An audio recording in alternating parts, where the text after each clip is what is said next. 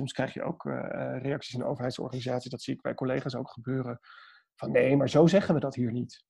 Ja, oh ja? Nee, maar zo begrijpen de mensen het wel. Ja. dan, dan, krijg je hele ingewikkelde discussies. En dat is gewoon, ja, dat heeft heel erg met die, met die jargon te maken.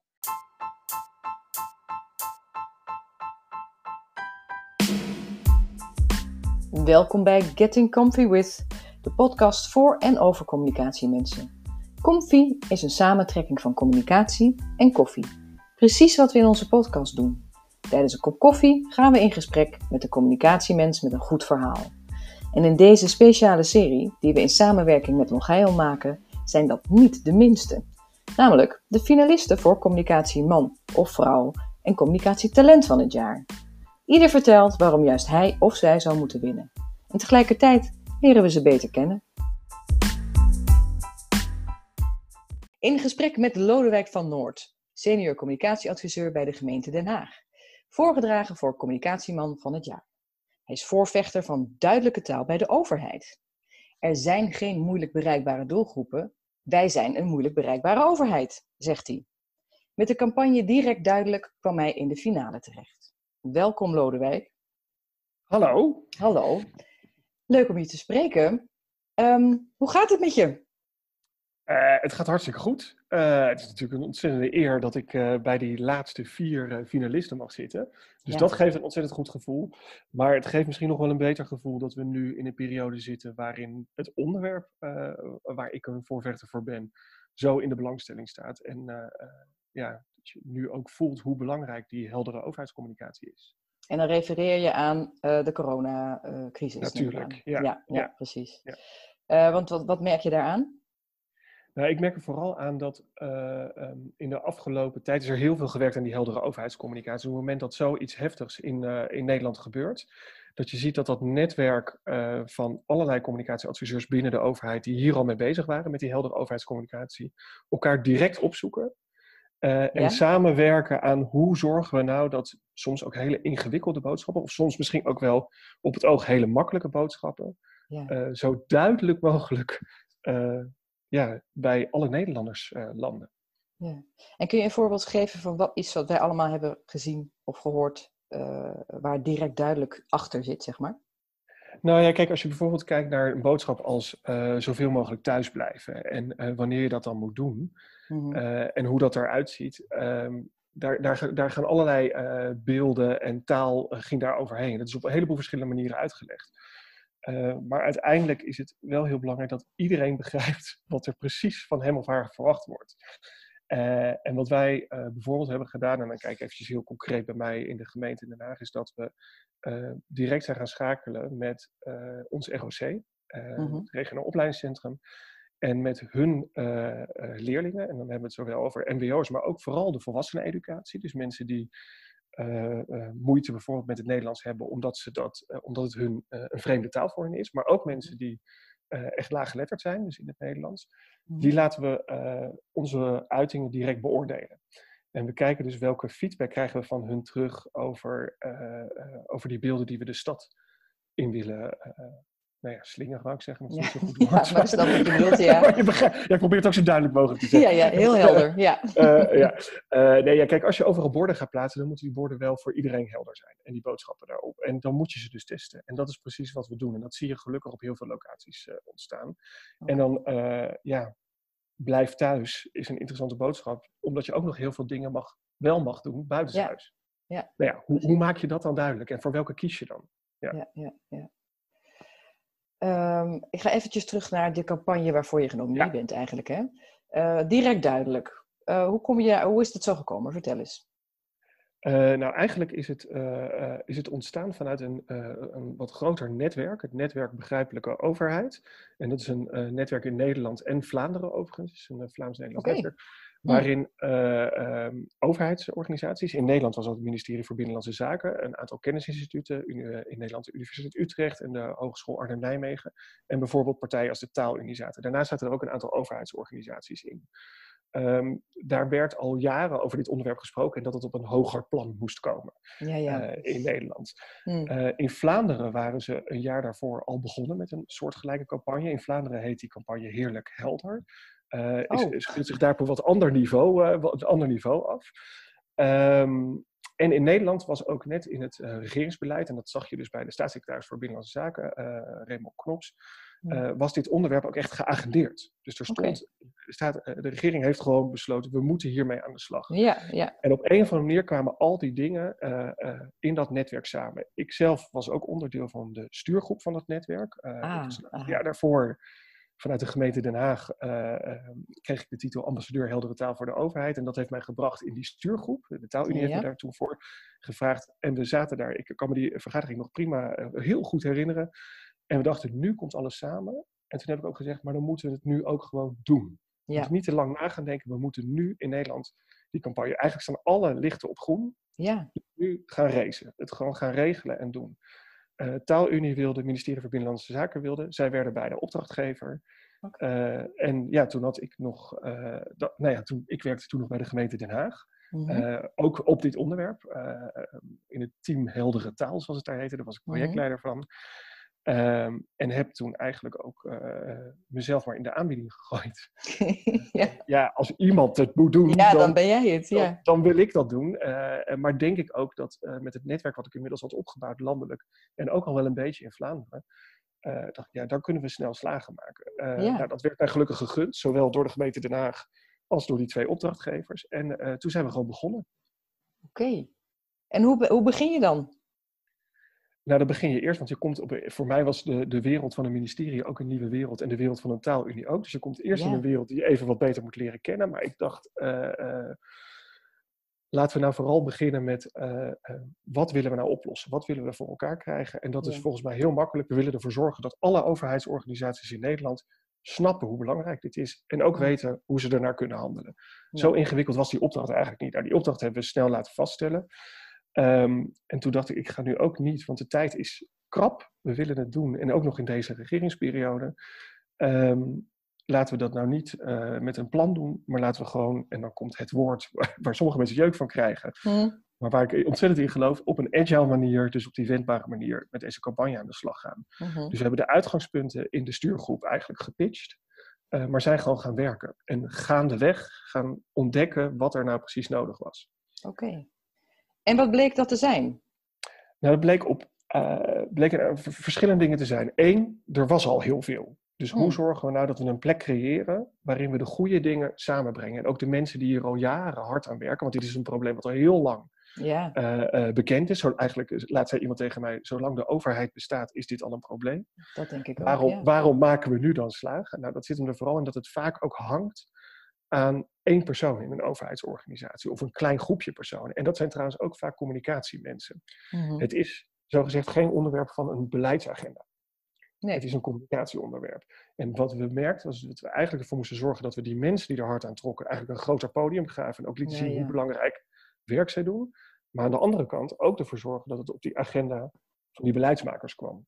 Mm-hmm. Dus dat het echt een als je het over een gemeente hebt, dat er echt een wethouder over dit onderwerp gaat en er ook op afgerekend kan worden. Ja. en zo zijn we eigenlijk die campagne gaan opbouwen, dus die twee kanten. En we zijn niet alleen gaan zeggen, wat is eigenlijk heldere communicatie, maar ook hoe zet je het nou op de agenda in je organisatie en hoe ja. borg je het in je organisatie. Dus die twee sporen zijn eigenlijk de, de, nou, de twee sporen van deze campagne geworden. Oké. Okay. En waar, uh, ik, ik ben geen ambtenaar, dus ik heb die campagne waarschijnlijk niet gezien. Nee. Nee, waar, heb, waar hebben jullie het allemaal uh, ingezet? Nou, we zijn, uh, we hebben de campagne die is, die is uh, gevoerd vanuit de twee opdrachtgevers, dus de Taalunie en het ministerie. Maar we hebben ons dus echt ook echt gericht op in eerste instantie die ambtenaren zelf die hier mee te maken hebben. Dus we zijn gaan bouwen aan dat netwerk. En tegelijkertijd zijn we die bestuurders op gaan zoeken. Hmm. Uh, en daar zijn natuurlijk allerlei bestaande netwerken voor. Dus waarom een nieuw netwerk bouwen als je uh, gebruik kan maken van de netwerken die er al zijn? Dat ja. heeft ook met het beperkte budget van deze campagne te maken. Okay. Uh, dus we moesten slim zijn en handig zijn. en wat dus voor netwerken hebben, heb je het dan over? Nou, dan heb je het bijvoorbeeld over uh, bestuurdersnetwerken, maar je hebt bijvoorbeeld ook een netwerk van directeuren uh, uh, die voor gemeenten, bijvoorbeeld voor publieksdiensten werken. Dus. Uh, dat zijn de mensen die dit, die dit als uh, onderwerp op hun, uh, in hun portefeuille hebben. Ja. Dus als je daar zorgt dat je op, bij de bijeenkomsten bent waar zij zijn, in hun nieuwsbrieven komt, zorg dat je het verhaal laat doorvertellen. Mm maar het belangrijkste was ook, merkte ik, persoonlijk contact. Dus we hadden een aantal organisaties die al goed bezig waren. Nou, zet daar de bestuurders nou uh, op het podium. En laat hun vertellen, vooral aan hun collega-bestuurders, waarom dit zo belangrijk is. En zo zag je dus ook dat de overheidsorganisaties die zich als eerste aansloten, een enorme sneeuwbaleffect hadden op hun collega-bestuurders. Ja. Want die dachten, ja, daar moet ik ook bij horen. Want als de gemeente Enschede meedoet, dan moeten de, uh, de ja, werkt het zo simpel? ja. werkt, werkt, dat ook wel zo. En dat was oh, ook dat we gewoon dat podium heel goed konden bieden. Ja. Uh, we bedachten daar ook, of, uh, nou ja, ik heb daar het uh, initiatief voor genomen om een deal te sluiten. en dat was een deal, dat was geen, bewust geen convenant.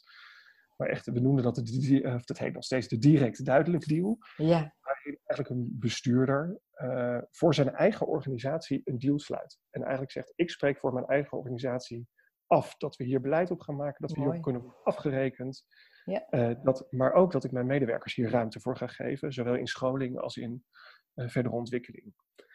Um, en ja, uh, dat werden mediamomentjes. Ja. Die regionaal, maar soms ook wel landelijk, maar vooral ook in die bestuursnetwerken steeds belangrijker werden. Ja. En waardoor bijvoorbeeld ook in gemeentes, gemeenteraden vragen gingen stellen over waarom hebben wij nog niet zo'n deal. Oh, wat goed. Uh, dus dat instrument, hoe simpel het ook lijkt, had een enorme, nou ja, wat ik zei, sneeuwbaleffect ja, ja. om het op die bestuurlijke agenda te krijgen. Um, en wat, wat waren de grootste uitdagingen binnen het hele proces?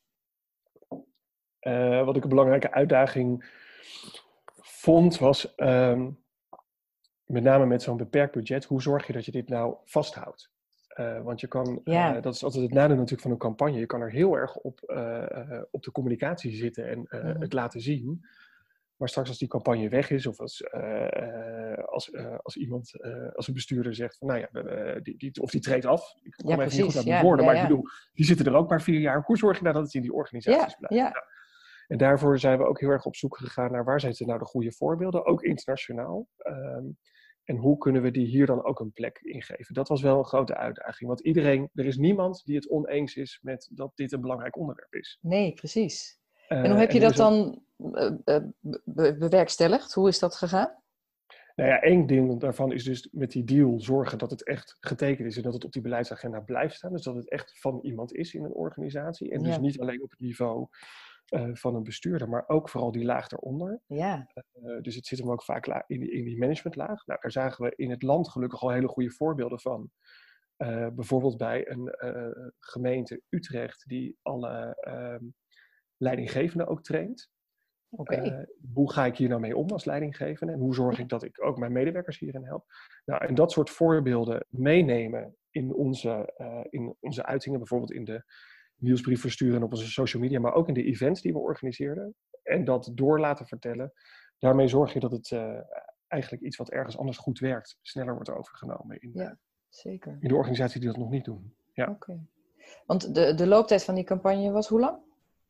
Uh, hij loopt nog steeds. Hij loopt nog steeds, uh, oké. Ja, hij loopt nog steeds. Ehm, en in principe loopt hij, ehm, zolang dit kabinet dit als op de agenda heeft staan. Maar inmiddels is het wel zo succesvol dat ik vermoed dat we direct duidelijk niet heel snel kwijt gaan raken in Nederland. Nee, nee. nee. En speel jij nu nog een rol ook daarin? Uh, ik, heb, ik ben nog steeds uh, direct duidelijk brigadelid, zoals dat heet. Want, ja, wat is, wat is dat? Vertel. Nee, er is, uh, in oktober is er een extra impuls aan deze campagne gegeven vanuit het ministerie voor Binnenlandse Zaken. En dat zijn ook de, zij trekken nu ook die brigade verder. En naar aanleiding van de campagne was er eigenlijk een versterking nodig. Waarin we zeiden van nou, we gaan nog meer kracht erop zetten. Dat heeft er natuurlijk ook mee te maken dat je resultaten wil laten zien en boeken. En wat we in die campagne tegenkwamen, dat is dat mensen hadden gewoon nog meer hulp nodig. Ja. Uh, en dat is wat die brigade doet. Dus ik okay. uh, help ook, maar ik, uh, ik adviseer ook nog steeds organisaties en vooral ook mijn eigen organisatie, de gemeente Den Haag, in dit, dit vlak. Dit nog verder brengen. Ja. ja, ja. En hoe werkt het dan? Dan kan ik bellen als gemeente, nou, maakt niet uit. Dan zeg ik, ik heb hulp nodig, kom me helpen. En dan, stuur, ja. stuur, dan komen er gewoon letterlijk mensen naar me toe om me te helpen. Ja, of je wordt gekoppeld aan iemand die dat al gedaan heeft. Uh, dat is ook vooral wat, wat, goed helpt. Of we kijken, er wordt in de regio, dat deden we tijdens de campagne ook, dan kijken we in de regio, zijn er al organisaties uh, verder dan jij en kunnen we die aan jou koppelen? om dat te helpen. En we hebben zelf een aantal uitgangspunten op de site staan en in een soort richtlijnen vastgelegd. Van nou, dit is eigenlijk wat we bedoelen met direct, direct duidelijke communicatie. Ja, oké. ja. En, en kunnen mensen zich ook aanmelden om, om die brigade te zijn, zeg maar, om die hulp te bieden? Uh, ja, via de website uh, okay. kan dat nog steeds. Ja. Oké, leuk. Als je nou terugkijkt, waar ben je dan het meeste trots op? Nou, ik ben eigenlijk het meeste trots op um, dat ik zie dat steeds meer collega's um, uh, durven voor dit onderwerp op te komen in hun organisatie. Ja. en zich niet, en als we dan even weer terug gaan naar het communicatievak, niet zomaar lukraak een communicatieopdracht uitvoeren, maar zichzelf echt die basisvragen stellen. Moet er wel gecommuniceerd worden? Waarom moet er gecommuniceerd worden? Wat is eigenlijk precies het doel? En hoe doen we dan het beste, dat het beste om zoveel mogelijk mensen te bereiken? Jij, jij quote mij net doordat ik zeg, we zijn, um, er zijn geen moeilijk bereikbare doelgroepen, maar er zijn een moeilijk bereikbare overheid. Ja. Dat is precies waar dit over gaat, wat mij betreft. Dat is ook uh, elke keer wat ik zeg, de ombudsman zei ook een tijd geleden, um, we, streven allemaal naar een inclusieve samenleving, naar inclusieve communicatie. Ja. Wat we ons soms helemaal niet beseffen in die overheidsorganisaties, is dat we met onze communicatie ook heel veel mensen uitsluiten. En dus precies het tegenovergestelde bereiken. Ja. Ja. En door uh, uh, dat denken over communicatie in de organisatie. Je vroeg waar ik het meest trots op was. Nou, als ik zie dat mijn communicatiecollega's in die organisaties dat denken steeds meer leidend hebben gemaakt uh, in hoe zij ook hun communicatieadviezen geven, daar ben ik heel trots op. Ja, dat kan ik me voorstellen. Ja. Maar je, je zei net ook, dat, dat, ik ben ook trots dat ze dat durven. Ja. Dat vind ik ook interessant, want blijkbaar is daar iets aan te durven. Nou, het is in een, uh, organisa- uh, in, in, een overheidsorganisatie soms heel lastig om uh, met dit onderwerp bezig te zijn. Toen, wij, toen ik begon ook, nog voordat de campagne was en ik dat rondje maakte, hoorde ik mhm. eigenlijk heel vaak van mijn communicatiecollega's die, die, dit onderwerp, uh, die voor dit onderwerp verantwoordelijk waren. Mensen vinden mij zo vervelend. Mensen oh vinden mij zo lastig in deze organisatie. Of ik ben echt, uh, oh daar heb je weer mevrouw Rode Pen.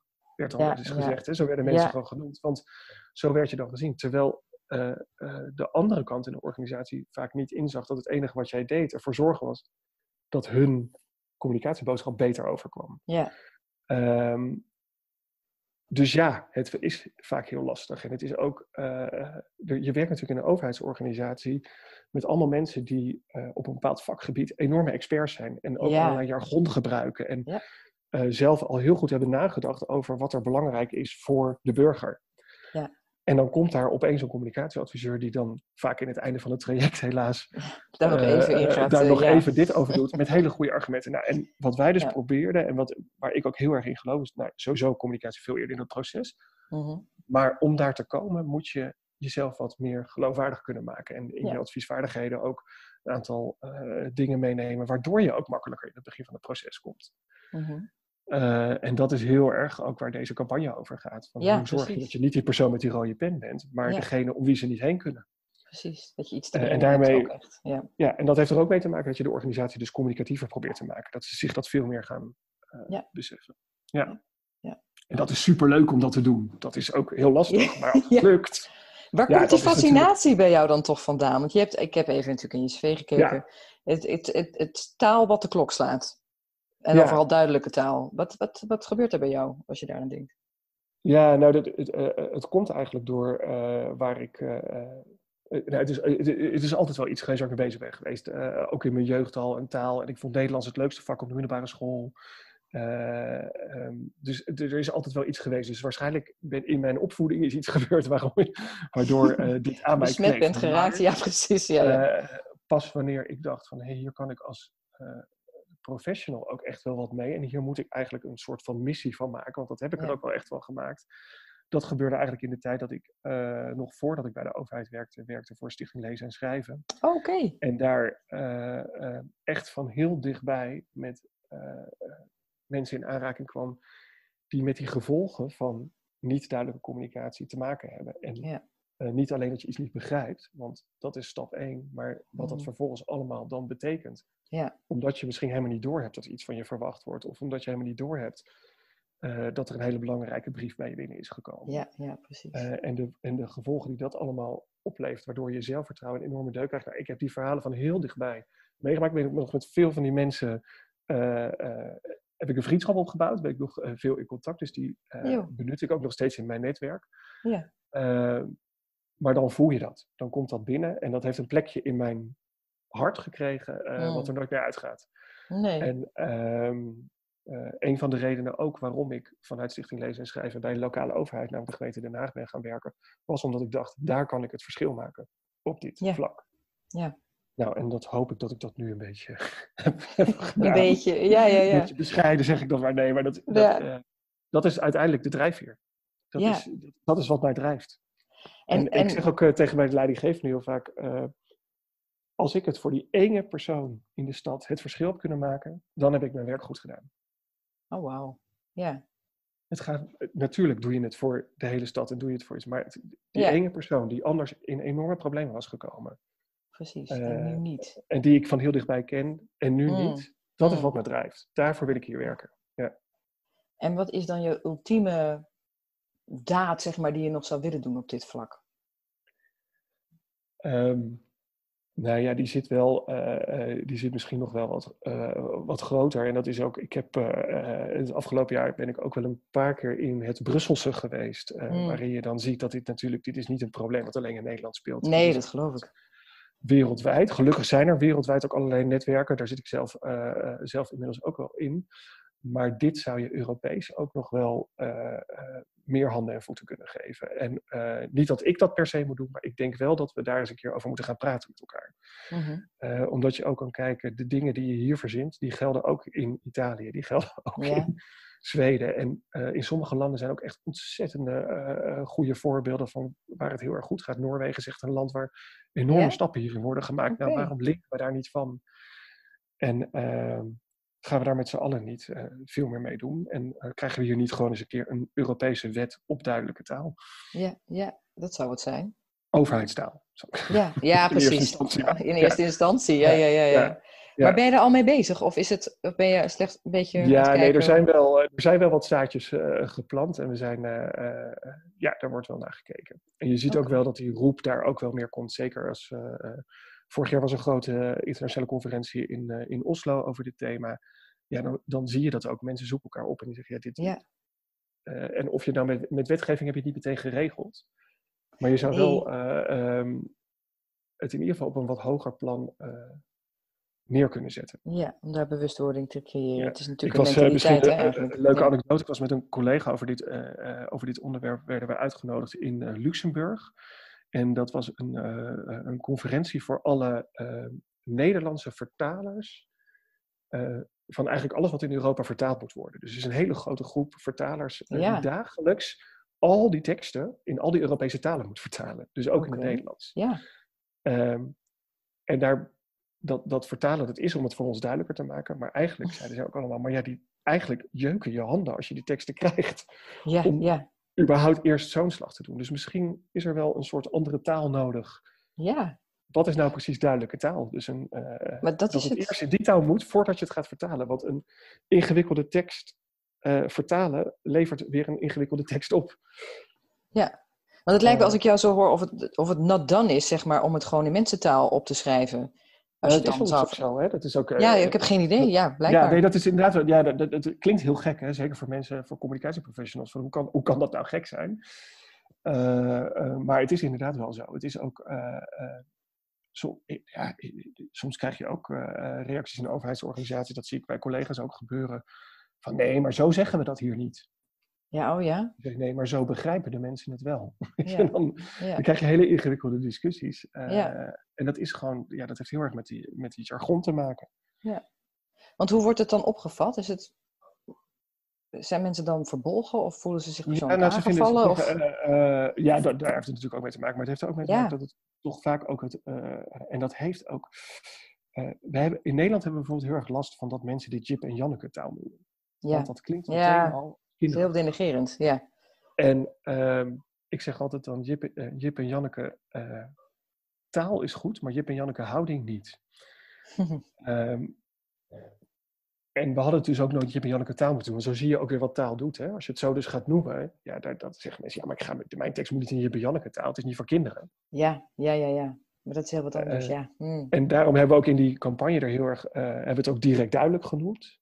En als ondertitel gegeven heldere overheidscommunicatie. Want het gaat ook overigens niet alleen om die taal. Het gaat er ook om dat je goed nadenkt van, moet het überhaupt wel in taal? Of moet het wel in een brief? Of uh, kan je niet beter even iemand opbellen? Dat vergeten we soms wel eens. Ja, ja inderdaad. Ja, ja, ja. ja. Kan. ja. Hoe simpel het soms kan zijn, ja. Ja. ja. Hey, kun je uh, heerlijk onbescheiden in één zin zeggen waarom jij nou juist deze prijs moet winnen? Ja, dat is, dat is een leuke vraag natuurlijk. Uh, is heerlijk onbescheiden. Nou, uh, nee, laat ik het zo zeggen. Ik, ik ben hier al uh, dus heel wat jaren mee bezig. Al meer dan 15 jaar. Ik zag nu de kans om het groot te maken. Ik heb die gepakt. Ik heb er alles aan gedaan om het zo groot mogelijk te doen. Overigens met een hele groep mensen om mij heen. Mm. die dat mogelijk hebben gemaakt. En het is gewoon gelukt. Ja. En dat is de reden. Zo, was het onbescheiden genoeg? Nou, me dunkt. ja, heel goed, heel goed, heel goed.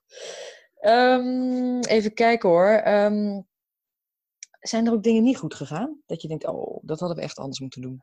Uh, ja, zeker. Dus, en dat is, vind ik ook het heerlijke van dat, uh, van dat uh, agile werken. Dat je ook ziet van, hé, hey, dat zijn dingen die we in het begin hadden bedacht, waarvan we dachten, nou, dat gaat hartstikke goed. We hadden namelijk in het begin bijvoorbeeld bedacht dat we alle bestuurders van Nederland gingen uitnodigen voor ontbijtjes om het over dit onderwerp te hebben. Nou, daar, kwam, daar meldde niemand zich voor aan. Oh joh, oké. Uh, en dat dingen, dat, dat, verzin je heel leuk. Dat we dachten, ja, dan, dan, brengen we de bestuurders bij elkaar en dan gaan we het over dit thema hebben en dan hebben we het eigenlijk geregeld. Ja, daar was nog wel wat meer uh, werk voor nodig. Ja, uh, dus ja. snel gedacht. Nou, dat zijn van die dingen, ja, en die, die hebben we daarna ook gewoon afgelast. En zijn we toch eerst maar eens begonnen in die organisaties beter gaan luisteren. Wat is er nou nodig om die bestuurders te prikkelen. Uh, uh-huh. En dat gewoon benoemd als een, als een volgende stap die we wat later zijn gaan oppakken. Maar wat was er dan nodig om die bestuurders te prikkelen? Want het is toch best lastig om daar binnen te komen. Ja, en dat heeft vooral te maken met uh, bewijsvoering. dus het, zowel die deal, die was nodig. Dus dat er iets uh-huh. ondertekend kon worden. Ja, dat klinkt soms heel... Nee, ja, nee dat snap ik wel, ja. maar er, er, moest, er moest een, een noodzaak voor zijn. maar je had ook wel nodig dat mensen konden laten zien en dat zag je bij de bestuurs vooral. Ik wil dit eigenlijk pas tekenen als ik ook kan vertellen dat we er al goed mee bezig zijn. Oh, oké. Uh, en niet dat we helemaal, dat we eigenlijk, dat ik zeg, ik doe nu iets verkeerd. Ja. Uh, en dat ga ik nu oplossen. Nee, we zijn al hele goede stappen aan het maken. En daarom ga ik nu voor eens en voor altijd zorgen dat we die stappen ook blijven maken. Ja. Um, dus er was net even iets meer voor nodig om die bestuurders mee te krijgen. Ja, ja. En is dat ontbijtje er uiteindelijk nog gekomen? Uh, uh, niet in de periode dat ik uh, campagneleider was, maar ik ga ervan uit dat zo'n ontbijt sluit ik dit jaar zeker niet uit, als het weer mag. Hè? Ja, oh ja, de anderhalve meter ontbijt dan. Ja. Zoiets, ja, ja, ja. ja. Oké. Okay. hey, dankjewel. Mooi verhaal. Graag gedaan. En succes nog even met, voor de jury en het hele proces wat nog komen gaat. Ja, ja. ja. Oké, we gaan je in de gaten houden. Dankjewel.